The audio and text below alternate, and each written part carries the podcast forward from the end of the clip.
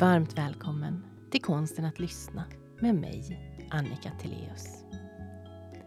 Till detta samtal har jag bjudit in Åsa Lundqvist Coey.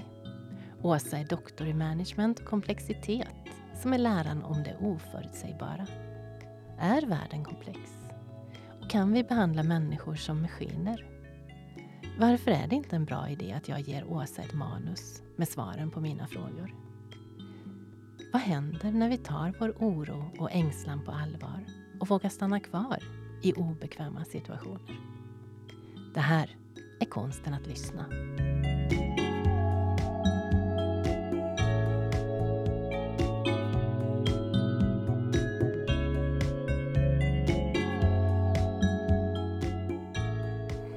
Innan vi börjar så har jag en ritual. Jag har en poddbön och den går så här. Jag bjuder in den klokaste delen av mig till detta samtal. Låt mig vara öppen, äkta och närvarande. Låt samtalet vara varmt, utforskande och fullt av tillit.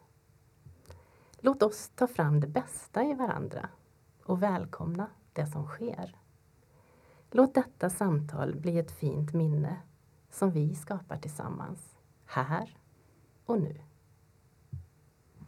Vad tänker du om det? Underbart, tänker jag. Så härligt.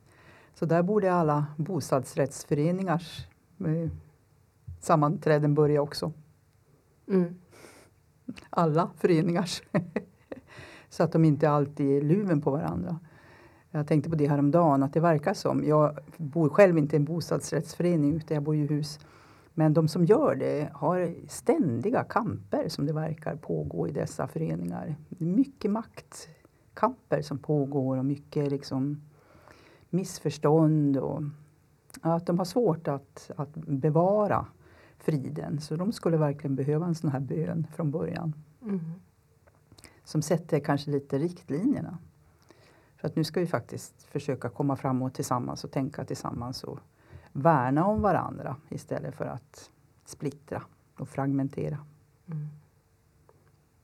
Jag håller med. Mm. Varmt välkommen Åsa Lundqvist Cowie. Tack så mycket. Ja. För, att det här, för att ha lite kontroll över den här inspelningen så eh, har jag gett dig eh, lite svar här på frågorna som jag ska ställa. Så att du kan väl läsa dem innan till. Okej, Kan vi göra så? absolut. Läsa till my thing. ja. Ibland så får jag den frågan när det gäller lyssnande. Eh, kan du göra en manual till oss? Mm. Och jag brukar svara att nej, jag kan inte göra en manual. Nej. Och det är väl lite grann den här, jag tänker att jag har naturligtvis inte gjort några svar till dig. Nej. Utan det här, det här blir ju ett samtal som vi för, som Mm. vi inte har kontroll över. Nej, precis. Varken du Mm. eller jag. Där någonstans så har du ju en hemvist i kaoset. Mm. Precis. Jag tänkte när du sa lyssna nu också så tänkte jag direkt ledarskap. Eftersom det, jag drar paralleller till det. Det är ju egentligen på samma sätt att man vet inte vad som ska uppstå. Eh, vi, le, vi pratar ju om ledarskap som någon ensidig företeelse men det sker ju alltid, det är alltid relationellt och väldigt lokalt. Så att det beror ju alltid på relationen, vad som kommer att uppstå. Man kan ju inte förutsäga det. Och där är vi ju då inne på min vetenskap, komplexitet. Kan man säga att det är enkelt att lyssna? Ehm, nej, det tycker jag inte. Mm, och man kan inte heller säga att det är komplicerat eller ens komplext egentligen. Eh, därför att eh, det är ännu mycket mer än så skulle jag vilja påstå. Om, om man kan säga en sån sak, det tyder på att man kan förutsäga vad som kommer att ske. Att man kan på förhand veta om det här att lyssna är enkelt eller komplicerat eller komplext. Men komplexiteten är ju oförutsägbarhetens vetenskap. Så att man kan inte säga det om det här. Det beror ju på vem som bedömer det här också. Mm, direkt i stunden och på sikt.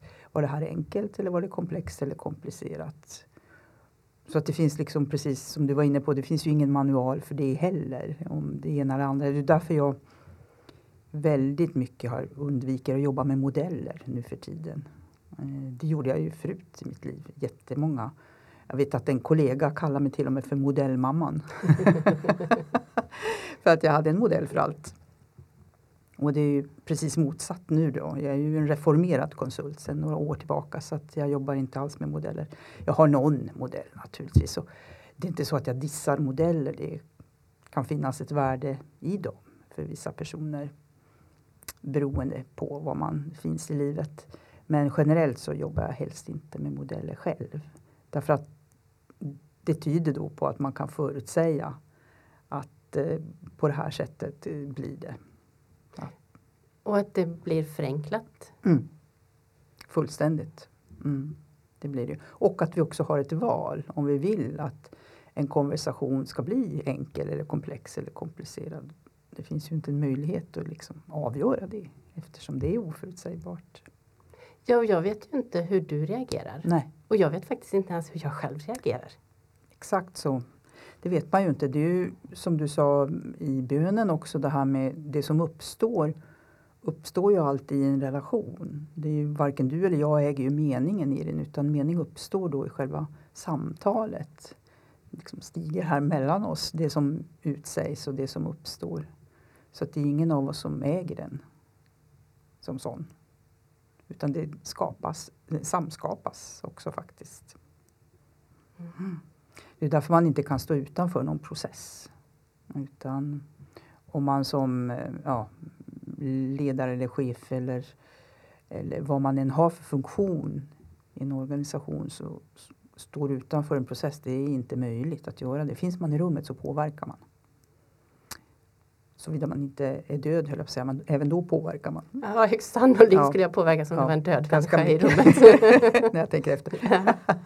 men om man inte finns i rummet, då är det så. Då lever vi förstås, vi lever ju fortfarande i folks fantasier och minnen och sådär. Men man påverkar kanske inte på samma sätt så direkt som man gör när man alla finns i rummet. Jag var på en eh, spännande utbildning för ungefär ett halvår sedan. Där det handlade mycket om olika typer av intelligenser. Mm. Där man pratade om den verbala intelligensen där vi sätter ord på det väldigt mycket i huvudet. Mm. Och överlag så är det framförallt den intelligensen vi använder i vårt samhälle. Men där, där man också pratar om den visuella intelligensen. Bland annat så skulle vi jobba med problemlösning. Vad hade jag för eh, problemställning och vad hade jag för önskat läge? Och där skulle jag då som första steg be beskriva mitt problem och mitt önskade läge med ord. Som andra utgångspunkt så skulle jag rita. Jag skulle använda den visuella intelligensen för att beskriva nuläget och önskade läget. Mm. Eh, som ett tredje så skulle jag beskriva samma situationer med gester. Mm. Jag skulle använda den somatiska intelligensen, använda min kropp. Och som ett fjärde så skulle vi jobba med metaforer. Så jag skulle använda en metafor för att beskriva hur det var och hur jag ville att det skulle vara. Mm. Och sen som ytterligare ett moment på det här så la den här amerikanska kursledaren på Robert Diltz, hette han, och eh, la på ett lager med kollektiv intelligens.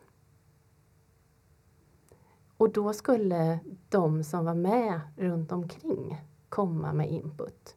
Fick inte kommentera min egen min egna funderingar, varken positivt eller negativt. Fick mm. inte eh, komma med glada till ja du är på rätt spår. Utan mer, när du berättar det här så dök det här upp hos mig.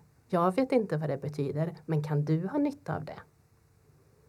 Eller när du gör de här gesterna så funderar jag lite på vad skulle hända om du istället gjorde gester lite längre ifrån kroppen, gjorde mm. större gester. Och så var det det här inspelet och då skulle man också fånga upp att var det jag som beskrev mitt problem och mitt önskade läge så fick jag då, ja vad tar jag med mig ifrån det här? Mm. Det var en superspännande process. Mm. Mm. Och jag tänker att någonstans så är vi tillsammans i en kollektiv intelligens. Mm. Um, precis, och det är intressant det här begreppet kollektiv intelligens som nu har fått lite grann av en revival. Jag tänkte på Filip Brunstens forskning då också från Handels och lite så. Som också behandlar mycket det här begreppet. Eh, och, eh, men det här är ju också tänker jag, någonting som sociologin har pratat om i väldigt länge. Och att, att förstå oss som, som radikalt sociala. Att vi alltid formar varandra och formas av varandra. Det där sättet att arbeta på som du beskrev tänker jag mycket något som man använder inom just forskning. Eh, att eh, peer reviews. Alltså dock inte så, så målande och kanske inte, inte alls på det där underbara breda sättet som du beskrev det här med, med att göra det även visuellt och metaforiskt och liknande. Jag tänker att det är ju, det är ju sånt är ju jätteroligt för att det är ju verkligen man kan byta identitet, flytta mellan en massa olika identiteter och, och på så sätt få en mycket bredare spektra av vad, vad en människa innehåller. Och så samtidigt ha en peer review av andra då som, som formas av vad de ser av dig samtidigt som de formar dig. Så att vi formar och formas, formar och formas samtidigt. Så att bara det att de berättade för dig hur de upplevde dig formar de själv också samtidigt. Så att det där i den här um, radikala socialiteten är så extremt viktig att förstå när vi jobbar tillsammans eller finns tillsammans egentligen i världen. Och det har vi tappat mycket av eftersom vi har ett sånt extremt kraftfullt individfokus i samhället. Vi har tappat mycket för sociologin är så svår att mäta ehm, på samma sätt som filosofi. Det är ju inga ämnen man mäter. Utan vi tenderar ju till att luta mycket mot naturvetenskapliga perspektiv. Som när jag pratar komplexitet, om man, när man frågar folk vad, vad är det för er så är det ju så säger ju de flesta, ja, men de tänker mycket på fågelflockar och myrstackar och liknande. Sånt där, och flocking birds och liknande. Men det är ett naturvetenskapligt perspektiv. Så det kan man inte använda i organisationer. Det har ingenting med mänsklig komplexitet att göra. Jo, det har det på så sätt att vi kan använda det som analogier. Men ska man jobba med komplexitet i en organisation då måste man in på sociologi också. Och filosofi och gruppdynamik framför allt. Eftersom vi då formas och är så radikalt sociala. Och därför är det ju väldigt skönt att ta till en modell som, är, som förenklar allting. Exakt istället. så, exakt så. Det är därför vi älskar att göra det förstås. Därför att eh, det, det är ju vår egen upplevda kontroll. Eh, vi vill ju inte gärna att folk ska gå ut därifrån och vara skitförbannade eller någonting sånt. Så att vi behöver ju liksom någon sorts idé och, och vill gärna hålla oss till den. Eh, så att, att släppa de idéerna är ju ändå ganska radikalt och det är ju det som, som väcker mycket ängslan hos konsulten som ska göra det och hos alla andra. Så att det är där vi påverkar varandra då socialt. Eh, så att det är precis som du beskriver den här processen, utan det blir ju vad det blir mellan dig och mig när vi sitter här och pratar. Det kan vi inte, och vi är båda så pass tillitsfulla så vi kan släppa det. Alltså, ja, det visar sig liksom vad det blir.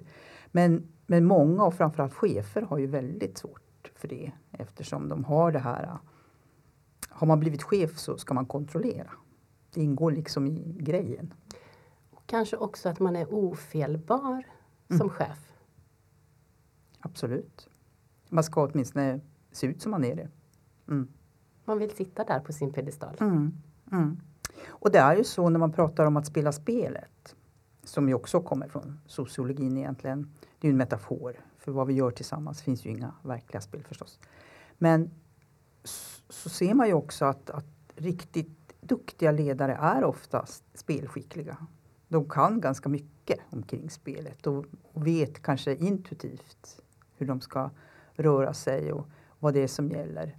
Men är man inte så erfaren som chef så, så kan man bli... Det, därför var så höga sjuktal. Jag menar, och de går ju inte ner.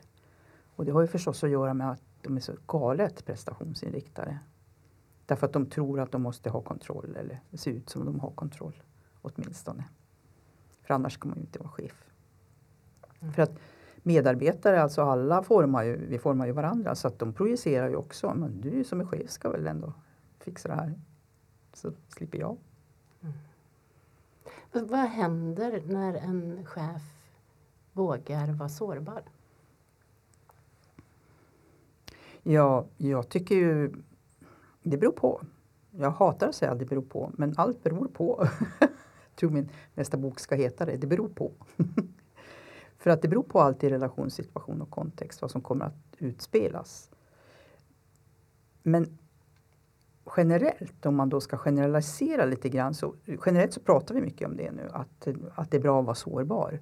Jag är inte så säker på det helt och hållet. Utan där kan man väl också, eh, det beror på. Alltså hur öppen man kan vara till exempel och hur sårbar man kan visa sig. Det beror på relationssituation och kontext. För att om du också är sårbar, visar dig sårbar, så ger du också bort din makt. Och vi behöver en viss mängd makt samtidigt som vi också behöver dela den och ge bort den. Men det, där måste jag känna mig fram. Både som chef och som medarbetare. Hur öppen kan jag vara med just dig just nu? Och hur öppen kan jag vara med just den här personen just nu? Så att det är alltid ett känna spel, att känna efter hur öppen man kan vara just då och just nu. Så att man kan liksom inte generellt säga att vi ska vara att det är bra att visa sig sårbar. Det är jättebra ibland, mm. men inte alltid. Jag har upplevt ibland också att det finns de som använder sårbarheten, en beräknad sårbarhet. Mm. Precis, som spelar spelet. Yes. Som egentligen är lite rävspel då istället. Man kanske har goda intentioner men så använder man det på det sättet att man spelar öppen och spelar sårbar medan man kanske döljer sig väldigt mycket bakom en viss fasad. Av ängslan och oro då förstås av att eh, inte duga. Att inte liksom riktigt räcka till. För det är det som är vår största sårbarhet, skulle jag, i min värld i alla fall, skulle jag vilja påstå. Att, att riskera att åka ut ur det här sociala spelet. Alltså att riskera att bli utesluten av sina grupper. Det är utdöende som är lika med död för oss som är så radikalt sociala. Så bara någon om man bara som chef liksom andas förändring så blir folk jätteoroliga därför att kommer det att innebära att jag ja, måste sluta eller bli av med mina arbetskamrater och massa saker. Så det är otroligt mycket ängslan som, som väcks. Så mm, en stor och det är den här existentiella ångesten som väcks. Alltså inte, och det är ju inte klinisk ångest utan det är den här grundkänslans ovisshet som vi alltid går omkring med som en förutsättning för att vara människa också. Det för den är ju också en drivkraft. Det är det som får oss upp ur sängen också på morgnarna samtidigt som den måste härbärgeras en hel del när vi är tillsammans. Och, där, jag tror att, och det är så mycket inom, inom våra sätt att jobba tillsammans som, som, som är så ja, ska säga, som, som har varit så besvärliga så många år. Alltså, vi har verkligen stökat till det och det är ju för att vi ganska okritiskt importerar väldigt många modeller och tankesätt utan att kanske lita så mycket på vårt eget omdöme. Så. Jag tänker på när man är sjuk, när mm. jag är sjuk. Mm. Där jag känner en sån här krasslighet i kroppen. Mm. Men det är först när jag tar tempen som jag vågar lita för. Nej men titta den här lilla ja. Här kan jag mäta ja. att jag faktiskt är sjuk. Ja. Och, och det är väl också ett mm. symptom på att mm. eh, vi litar inte på oss själva på vad hela systemet säger utan det är först när vi får den här vetenskapliga bekräftelsen på. Ja, det är en jättebra liknelse tycker jag. Absolut. Ja, det, är så, det är så märkligt att det har eh, kunnat uppstå ett samhälle som är så. Men det har ju att göra med när hela industrialismen egentligen kom igång så litar vi, alltså de recept som vi har i Sverige, svensk ledarskap och management är ju amerikanska importerade från USA på 50-talet som de egentligen slog i rot. Och då börjar ju hela den vågen även i, i svenskt. Så det finns ju inget svenskt så mycket beforskat sätt um, omkring ledarskap utan vi har ju, det är ju mycket som är import. Och det, bygger ju, det är en väldigt kraftfull förbättringsideologi då, som bygger på att vi alltid ska bli bättre. Och då vågar man till slut inte lita på sin egen förmåga till omdöme utan man tror att jag borde vara lite bättre, jag borde vara liksom... Vad är det för fel på mig som inte kan få folk att gå från A till B? Liksom? Är, de gör ju inte som man säger, folk. Och då tror man att det är fel på en själv, att jag kanske borde göra något annat eller jag har inte den rätta gnistan eller den rätta, nu kör vi förmågan och sånt där. Utan att lita på sin, sin förmåga till att relatera där. För vi, vi föds ju in i familjer så att vi är ju egentligen relationsexperter väldigt tidigt. Alltså vi vet ju vad saker och ting betyder. Vi får ju ganska snabbt en känsla för höjda ögonbryn och allt möjligt sånt där. Så vet vi mm, som pågår där. Och är väldigt känsliga för sånt. Men det har vi lärt oss att inte lita på, precis som du sa. Det är, då måste vi fram med tempen. Måste vi stämma av det här mot ledarskapsrecepten. Är det här verkligen rätt? Och det kryllar ju av sådana.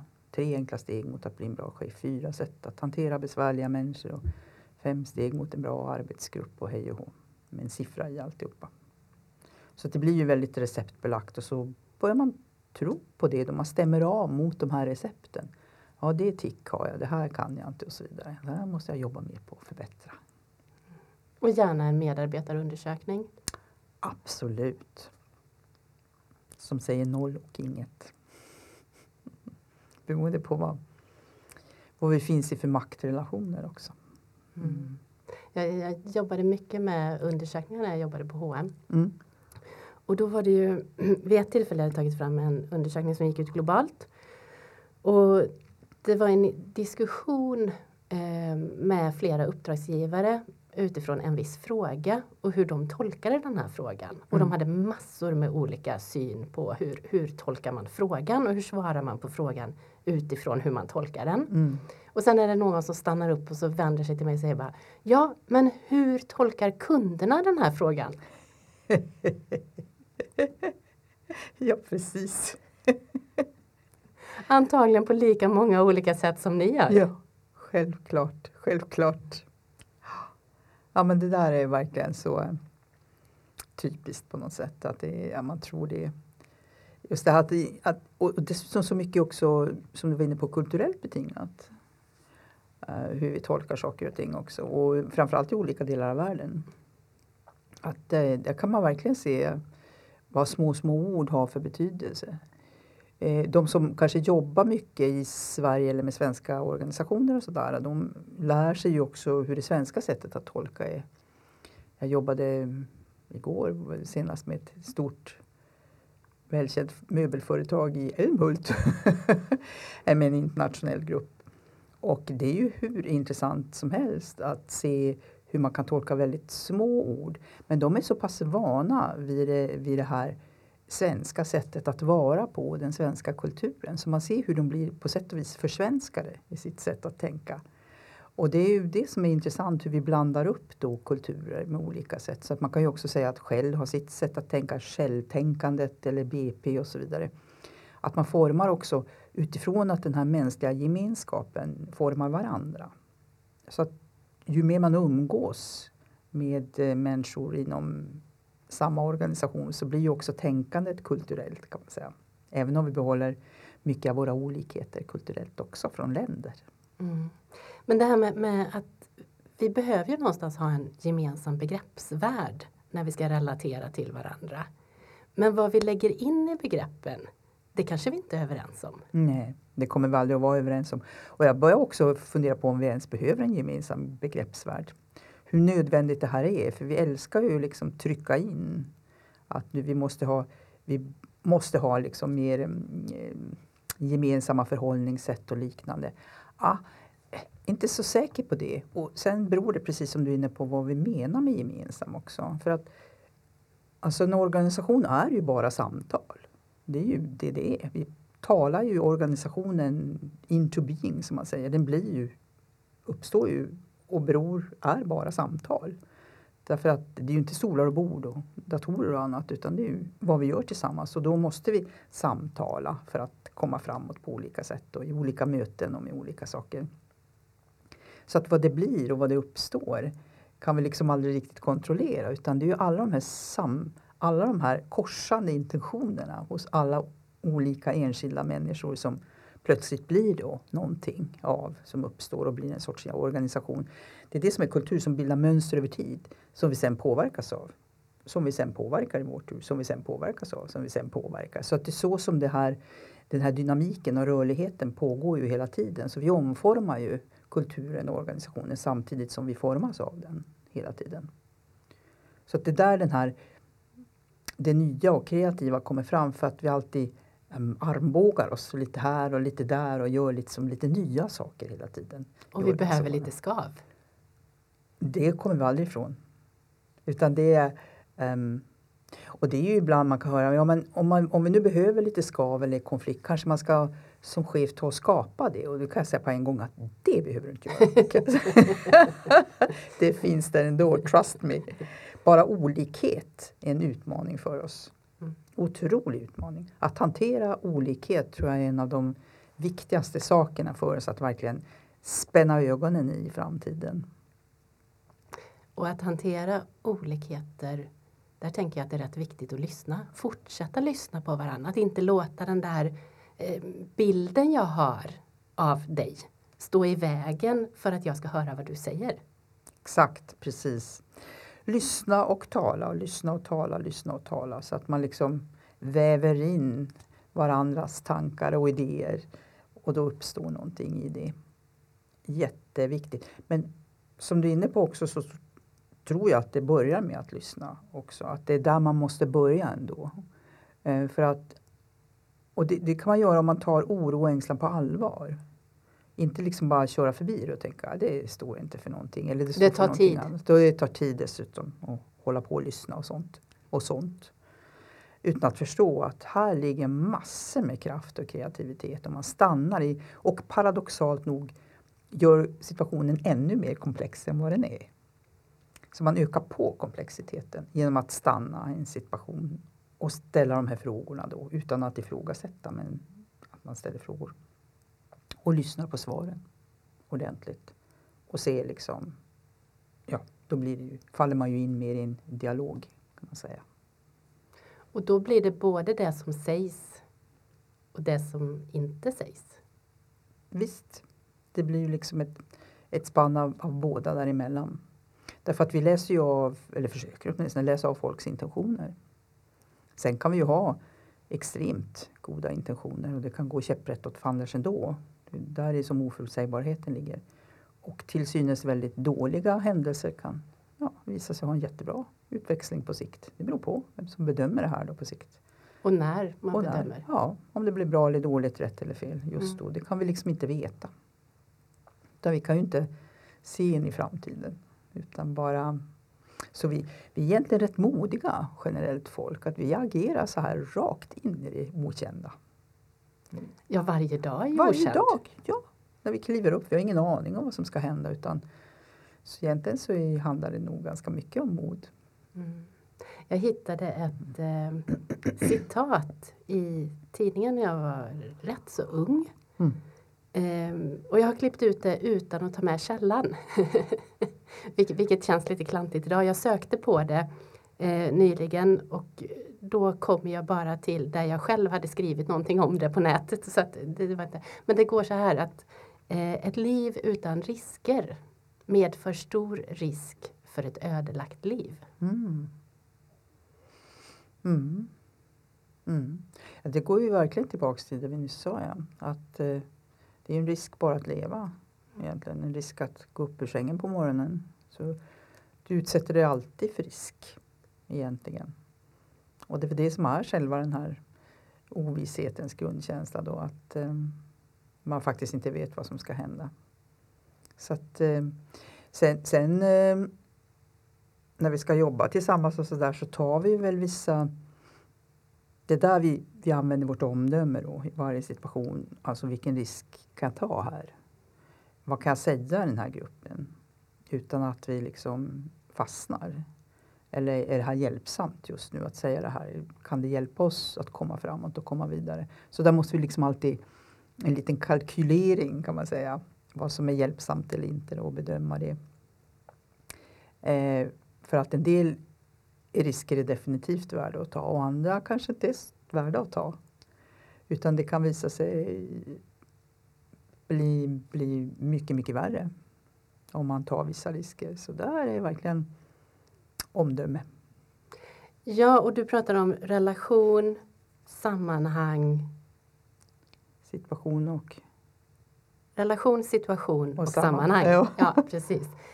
Um, och där handlar ju också risken om, ja men nu har vi en relation idag. Mm. Vad har vi för relation nästa gång vi möts? Exakt, precis. Eller nu är sammanhanget det här, vi sitter och pratar med mikrofoner framför oss. Mm, Vad precis. händer om vi byter rum? Precis så, exakt. Och sånt påverkar oss. Mm. Mm. Både det och så själva kontexten då av svenskt arbetsliv som vi också båda finns i och svenskt livsliv. Vi lever ju i Sverige och så också arbetar i Sverige. Och det är också då en viss kontext, en viss container som håller oss på det sättet. Så att vore vi i en annan kontext i Indien med indiskt arbetsliv så skulle vi förstås också agera väldigt annorlunda troligen. Vad som då är normen i det samhället. Så där har vi ju liksom normer som vi följer för att då inte riskera att åka ut ur våra grupper. För att se till att vi stannar kvar, kan stanna i gruppen och vara med. Jag hade tillfälle att tillbringa några dagar ihop med Björn Attiko Lindeblad Mm. för några år sedan. Mm. Eh, och vi hade haft ett tillfälle där vi hade pratat väldigt, väldigt djupt. Mm. Och sen så som avslutning så berättar han om en historia där han var i kloster och eh, där de hade avstämningar där de delade väldigt, väldigt mycket. Mm. Men att det stannade i det rummet. För att man kunde inte komma dagen efter, jag höll på att säga kaffemaskinen, men det hade de ju naturligtvis inte i klostret. Mm. Men, men att man vid ett annat tillfälle hänvisade till det man hade delat vid den här mer delningsceremonin. Mm. Och det tycker jag var en sån spännande tanke Mm. att ja, i, vid det tillfället Mm. Så hade vi det. Men jag kan inte förutsätta att vi är på den nivån nästa gång vi Mm, möts. Precis. Mm. Mm. Det är så intressant för jag tänkte faktiskt på det igår. ehm, när jag jobbade med en grupp då.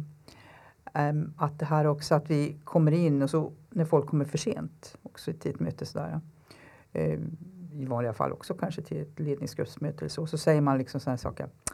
Vad gjorde ni förra gången?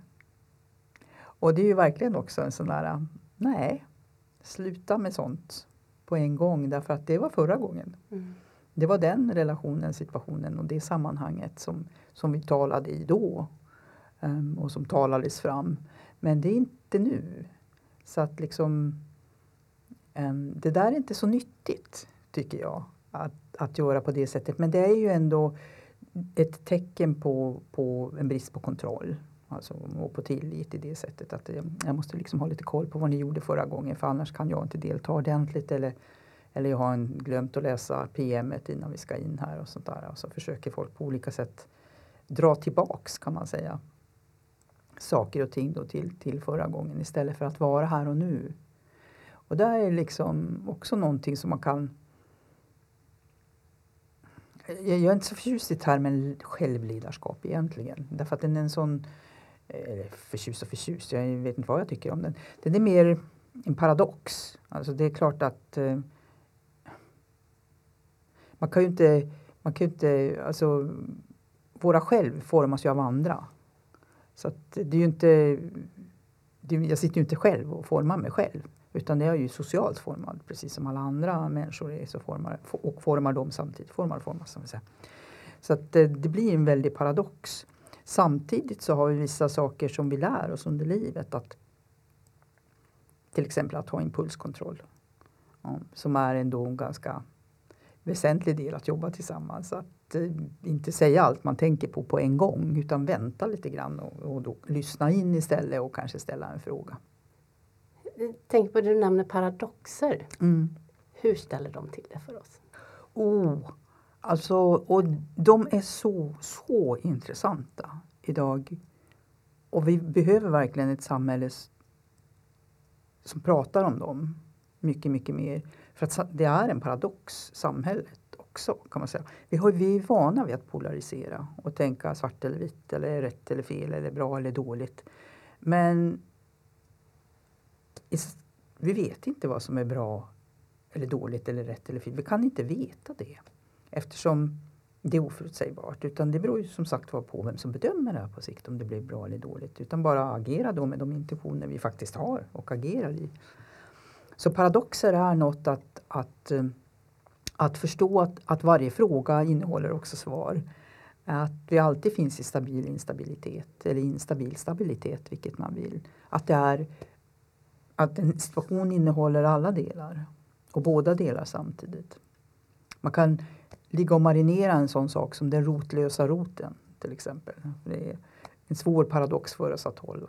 Så det är svårt att hålla paradoxer. För så fort man visar någon form av A och B-tillstånd så, där, så vill folk kollapsa in i A eller B. Då blir det liksom att man du tar åt det hållet eller det hållet. Utan att förstå att, att vad som kommer att utspelas beror på ändå. Alltså så att, att hålla den där paradoxen. Och jag, jag är glad att vi ändå det ordet finns mer på agendan idag. Alltså vi pratar mer om paradoxer men det är inte så lätt att hålla dem och inte så lätt att förstå vad det faktiskt är. Utan där är de... Ja, att vi kanske till och med bestämmer att det ena ord kreativ och analytisk, de kan inte fungera tillsammans. De är olika, ena ändan på skalan och den andra ändan på skalan. Mm. Jaha, men om jag är både kreativ och analytisk mm. då? Då får jag ett nollvärde i mitten. Ja, Då är jag exakt. ingenting. Nej, det är ju jättekonstigt. Ja. Oh. Eh, jag hörde ett uttryck nyligen som var It's not either or. Nej. It's both and mm. more. Mm. Mm. Och jag tänker på när du säger så på alla de här personlighetstesterna. Framförallt då, som är uppbyggda på just det att man ska ta ställning. Jag minns alltid, alltid när jag gjort den typen av tester så blir jag alltid så jävla arg. Jag tänkte, Nej men det beror på! Mm. Vilken situation är jag i och när det är och så vidare. Och jag tror att det är jättemånga som reagerar på det sättet. Man kan liksom inte bedöma det på det sättet riktigt. Det är, det, man tar bort allting som är mänsklig kapacitet och komplexitet faktiskt. Alltså alla de här komplexa interaktionerna som vi finns i. Det är verkligen att, att totalt simplifiera mänskligt görande och mänsklighet. Att jobba med dem, det är bara fördummande idioti faktiskt. Usch. Ta bort dem allihopa. ja, för någonstans så, så, blir det ju också, om vi mäter oss på den mallen mm. så visar vi ju att det är så det fungerar. Ja, visst. Då är det ju skalan som man ska mätas enligt. Visst, det är temperaturmätaren. Mm. Man säger, ja, oh, jag är sjuk uppenbarligen. Ja. Mm. Eller jag är frisk eller vad man nu får för utfall på de här testerna. Ja. Det är ju, och det är också liksom en, men det är ett sätt och sånt som har uppstått Ehm, med naturligtvis väldigt goda intentioner en gång i tiden på att man upplever att man behövde ha kontroll över vad som görs på arbetet framförallt och att folk måste kontrolleras. Ehm, så att det är inte så lätt för, för chefer i mångt och mycket idag heller att ställa om. Att förstå att det är vi som gör någonting tillsammans, inte chef och medarbetare. Bara att en sån retorik, chef och medarbetare, är ju liksom, vänta nu, är chefen inte en medarbetare och en medarbetare inte, kan de inte chefa. Så att titta bara på hur vi uttrycker så retorik är viktigt. Hur vi talar om det vi gör på vilket sätt. Och där finns massor med förstås inom jag ska säga det som det har varit eller är mainstream management. Så där finns mycket mm, uttryck som man kan ifrågasätta. som är så, känns så självklara för oss och som man hör används dagligen och skrivs om dagligen. Alltså, på olika sätt. Och man undrar, vänta nu. Mm. Hur är det med det? Beskrev du dig själv reformerad konsult? konsult. Mm. Den resan, den reformationen som har varit i dig i processen, mm. vad har det gjort med dig? Ja men väldigt mycket. Jag tror att nu kanske jag blev extra reformerad utifrån att jag kanske har varit en väldigt kategorisk människa. Nej, jag tror att jag upplevde reformationen utifrån att jag fick förmånen och tillfälle att sätta mig in i ämnesområden som jag inte var bekant med. För att jag har ju en helt annan bakgrund som, som jurist och pedagogik och lite andra saker. Och har gått hur många utbildningar inom ledarskap som helst förstås. Eftersom vi är en sån ängslig yrkesgrupp så måste vi certifiera oss i allt som finns på en gång om det kommer något nytt på marknaden. Agilitet och you name it, det nya svarta. Eh, så att, att då gå in på områden som var en vit fläck på min karta var, väckte extremt mycket ängslan och oro hos mig. Jag kände att jag var verkligen ute och tassade på gungfly. Jag hade ingen aning om. Och det, men det började ju också som en sten i skon. Att jag kände att när jag jobbar i längre processer ibland och med ledningsgrupper kanske över ett år eller två år över tid så, så var det lite skoskav. Jag kände att det går inte så bra som vi säger att det går.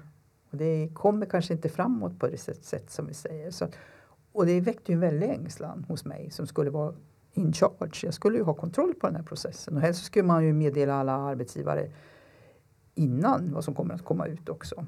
Och vi ska säkra, förfärligt uttryck, säkra processen. Vill du säkra, framtidssäkra dina Så som medarbetare? jag ville säkra det här samtalet Ja, ja. genom manus. Exakt! Säkra också. När man ändå vet att det kan vi inte göra. Det finns inte en möjlighet till det. Att säkra någonting. Så den ängsligheten fanns där eh, i botten. Så det var därför som jag gick igång då ganska ordentligt på de här idéerna från början. Eh, Med ett väldigt motstånd till att börja med. Jag tyckte nej, det där tror jag inte alls på. Det är helt fel. Klart man måste ha kontroll.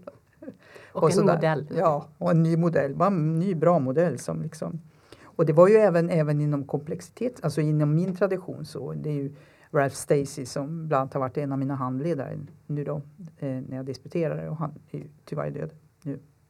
Men han har skrivit oändligt mängd med böcker och han gjorde ju en modell som heter Stacey-modellen. Eh, en graf för kanske 20-30 år sedan eller någonting sånt. Och eh, sen så tog han bort den och tog avstånd från den helt och hållet av precis den anledningen vi beskriver nu. För han kände att nej, man kan inte bestämma det här i en modell och man kan inte, man, det begränsar bara människor att ha den här modellen framför sig. Att det, det är inte hjälpsamt att ha den.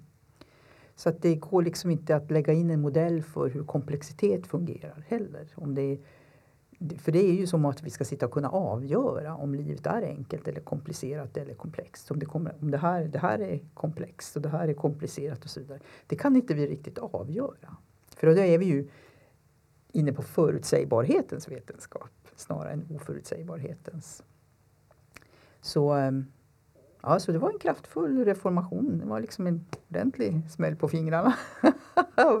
och eh, också förmånligt också att, att få ha gjort det, att få ha förmånen att tänka om omkring vad vi gör.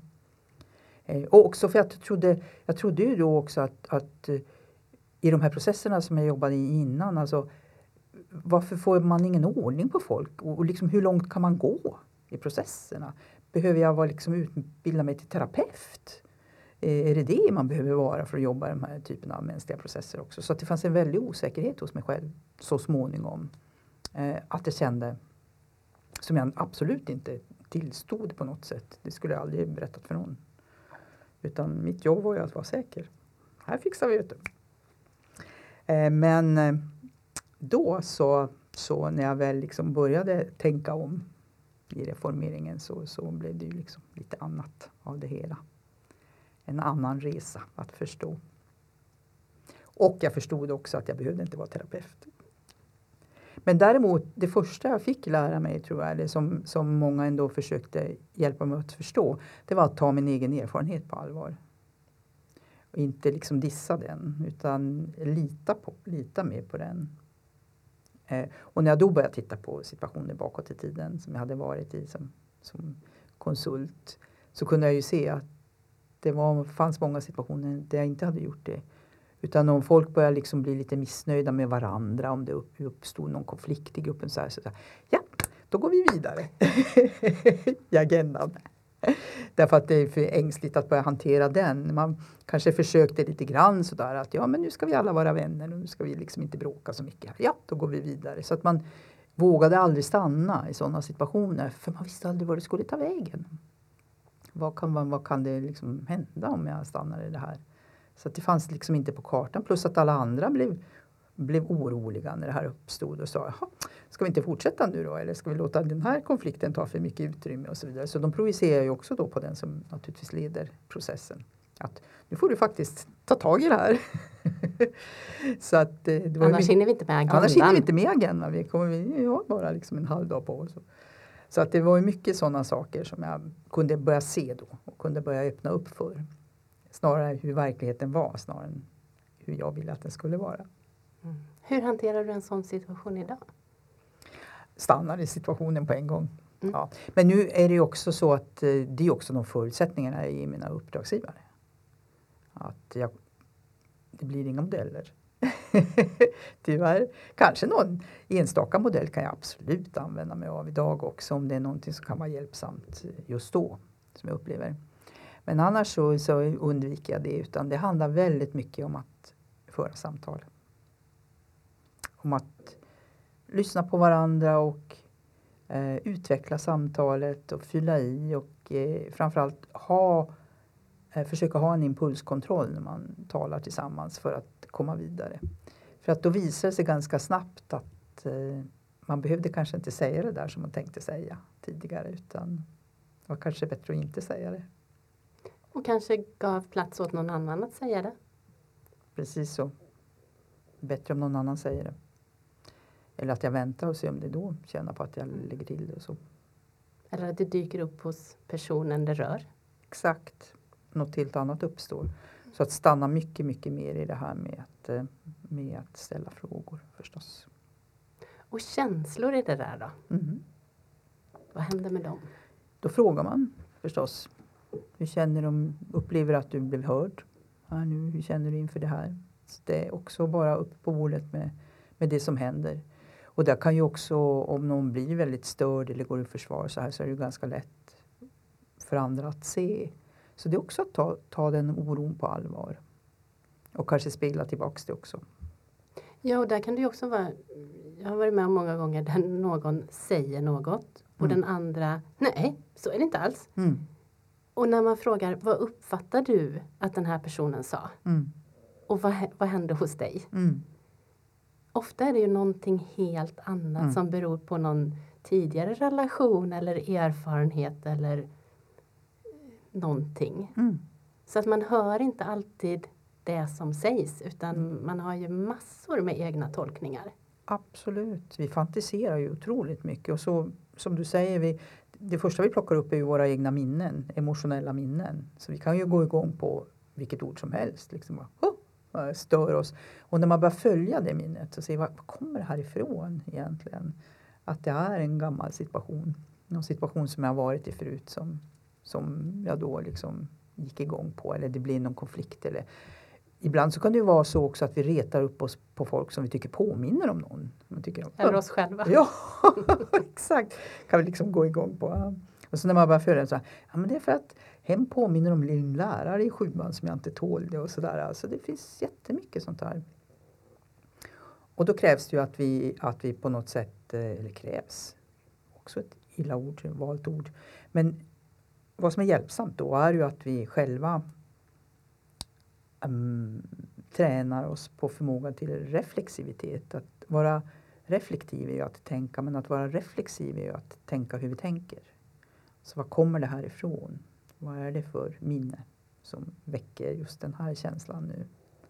Och se att det är inte alls det där hon sa som jag gick igång på utan det har något med, med mina minnen att göra, mina känslomässiga minnen. Så att då, då blir jag förstås blind för det är som att trycka på en knapp så går vi igång. Och någonstans finns det ju kanske en terapeut i dig i alla fall. Det handlar ju också lite om det här med att eh, se sig själv utifrån och andra inifrån. Jag tror att alla är terapeuter. Sen är det bara hur vi kanske då släpper fram. Nej, det är klart. Nu ska jag inte dissa hela skrået med terapeuter. Absolut inte. Det finns sådana. Alltså, man kan ha en åsikt och man kan ha en informerad åsikt. Och som utbildad terapeut så tror jag man har massor med mer informerade åsikter. och kunskaper och kompetenser som, som vi som inte jobbar inom det skrået har. Och det gäller ju alla skrån. Att vi kan ju lita på vår känsla för saker och ting men sen kan ju en terapeut till exempel hjälpa oss att förstå och skapa med mönster av och sammanhang för våra känslor och våra uttryck, var det kommer ifrån. Så det är ju, men eh, det kan också goda vänner göra i vissa stunder om det inte är, om det inte är något kanske allvarligare. Att, att se på oss själva. Att hjälpa oss att se på oss själva utifrån. Mer. Mm. Så vi kan skratta åt oss själva Som jag tror att en terapeut kallar mentalisering. Ja, exakt. Precis. Mm. Mm. Så vi kan skratta åt oss själva. Också. Inte Ja. ta det på så stort allvar. Nej, lek, mer lekfullhet. Jag tror det. Och därför jag gillar den där övningen du beskrev med liksom att visualisera och att, metaforer och att kanske till och med måla eller ja men beskriva en situation på många olika sätt. För det blir väldigt lekfullt. Ja, och det kändes också som att jag fick tillgång till verkligen olika intelligenser i mm. mig själv för jag beskrev den på olika sätt. Mm. Precis. Mm. Och plötsligt så hade jag med mig själv mm. Upptäckt saker som jag inte hade fått eh, tillgång till annars. Precis. Tidigare. Där du beskriver också den här kroppsliga, alltså vi har ju en kropp, den kroppsliga medvetenheten, att man också jobbar med den är ju fantastiskt. Ja. Sen var det väldigt spännande första, det här var tre dagar kurs och för, i avslutningen på första dagen så eh, var det en kille som bad mig att sammanfatta dagen med en gest. Mm, kul. Det var väldigt utmanande. Ja, tror jag det. Ja. Men det blev också väldigt eh, spännande. Ja. För att inte, vi är inte alls vana vid att uttrycka oss på det sättet. Så Det är också väldigt mycket vana hur man faller in i och hur man tänker omkring sig själv. Ja, och hur den första reaktionen hos mig var, det kan jag inte. Mm. Mm. Men det kunde jag visst, för lät jag bara det komma så var gesten där. Mm. Mm. Så det, det tycker jag är mm. det var... väldigt spännande. Mm. ja, exakt. Ja. Jag har en uppmaning till eh, lyssnarna. Och det är att fundera lite grann runt paradoxer. Och ens, den egna föreställningen runt paradoxer. Vilka ord sätter du mot varann? Kan man inte vara kreativ och analytisk? Och hur påverkar det dig? Mm. Bara att sätta ord på tankarna mm. hjälper mm. i att jo, jag kanske kan vara mm. It's not either or, it's both mm. and more. Mm. Precis. Det tror jag är otroligt hjälpsamt. Och egentligen eh, tänka verkligen på så fort man stöter på något motsatspar. Är det verkligen motsatser? Är det verkligen motsatser? Mm. För att det innehåller ju allt. Stort tack för att du kom hit, Åsa. Tack så jättemycket.